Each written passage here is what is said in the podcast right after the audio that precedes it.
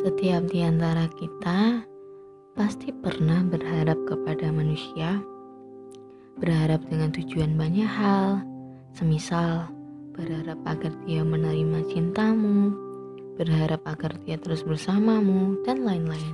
Tapi gak sedikit juga banyak harapan yang gak kesampaian, yang akhirnya terjadi kekecewaan bahwa dia bukan sosok seperti yang diharapkan.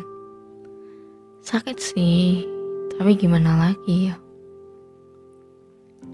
Aku juga mempunyai beberapa pengalaman yang membuat aku tersadar untuk menaruh harapan itu dengan sosok yang tepat. Dan pengalaman ini yang ingin aku share sama kalian Semoga bisa bermanfaat. Selamat mendengarkan. Jadi, aku pernah menaruh titik kepercayaan sekaligus harapan kepada seseorang. Seseorang itu adalah temanku sebenarnya.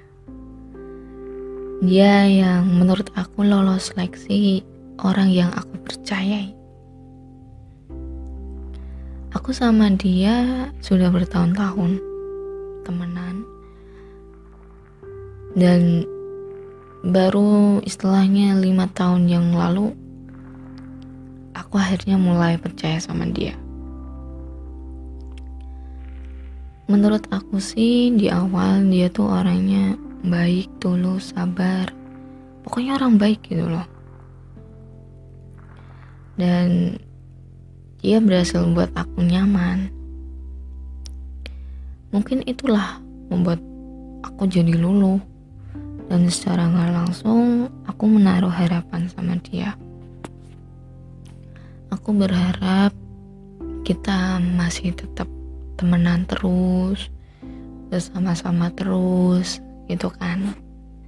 Tapi balik lagi, bahwa patah hati yang disengaja adalah berharap kepada manusia. Berjalannya waktu, tiba-tiba sifat dia berubah. Seperti bukan orang yang aku kenal. Di posisi itu juga, aku sama dia jaraknya sudah berjauhan. Bahkan bisa dibilang udah beda provinsi.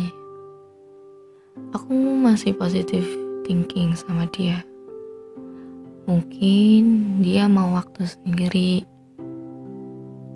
Dan setiap aku chat dia, dia nggak pernah bales.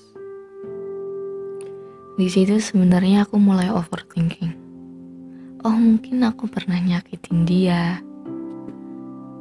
Dan aku mulai mencoba menghubungi dia lagi di sosial media dia yang lain aku chat nih tanya kabar kenapa gitu. Tapi dia responnya singkat. Terus juga aku juga minta maaf sama dia. Kalau mungkin aku ada salah gitu kan. Di posisi itu juga aku masih berharap bahwa dia bersamaku Aku juga berharap bahwa dia nggak ngelupain aku. Aku mencoba mempertahankan hubungan baik sama dia. Kemudian ternyata Allah membukakan siapa dia sebenarnya. Dia orang yang aku percayain, dia yang udah aku bisa memberikan aku harapan kepada dia. Dia yang aku anggap baik. Dia yang udah aku anggap seperti keluarga sendiri. Tapi apa jawabannya dia sama aku? Justru aku dijelek-jelekan di belakang aku. Aib aku dibongkar sama dia Seketika itu aku merasa udah bingung gak tahu lagi gimana. Dia orang yang udah aku perjuangin, aku pertahanin, udah aku anggap wow gitu. Tapi apa jawabannya gitu loh. Terus aku hubungin dia, maksudnya dia itu apa? Dan dia nggak ngerespon gitu. Aku nggak tahu salah aku gimana.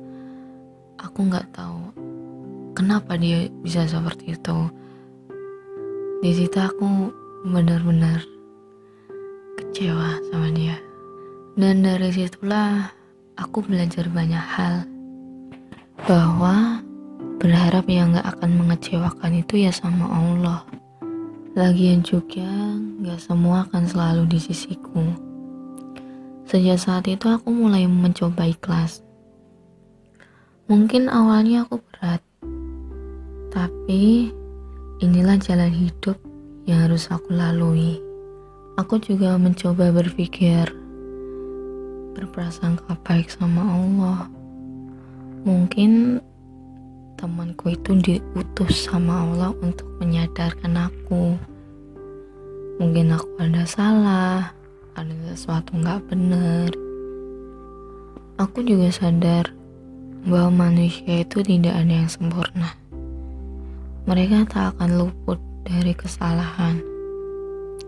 Justru semakin tinggi harapan kepada seseorang, juga akan semakin dalam lukanya. Dan sejak saat itu, aku mulai mencoba untuk tidak berharap kepada manusia lagi. Aku mencoba memasrahkan semuanya kepada Allah, termasuk juga buat kamu Pesanku, jangan terlalu disesali kepergian orang yang menyakitimu. Justru harus banyak-banyak bersyukur karena Allah menjauhkan orang tersebut di hidup kamu. Mungkin aja dari perginya seseorang tersebut itulah salah satu jawaban dari panjatan doa-doamu.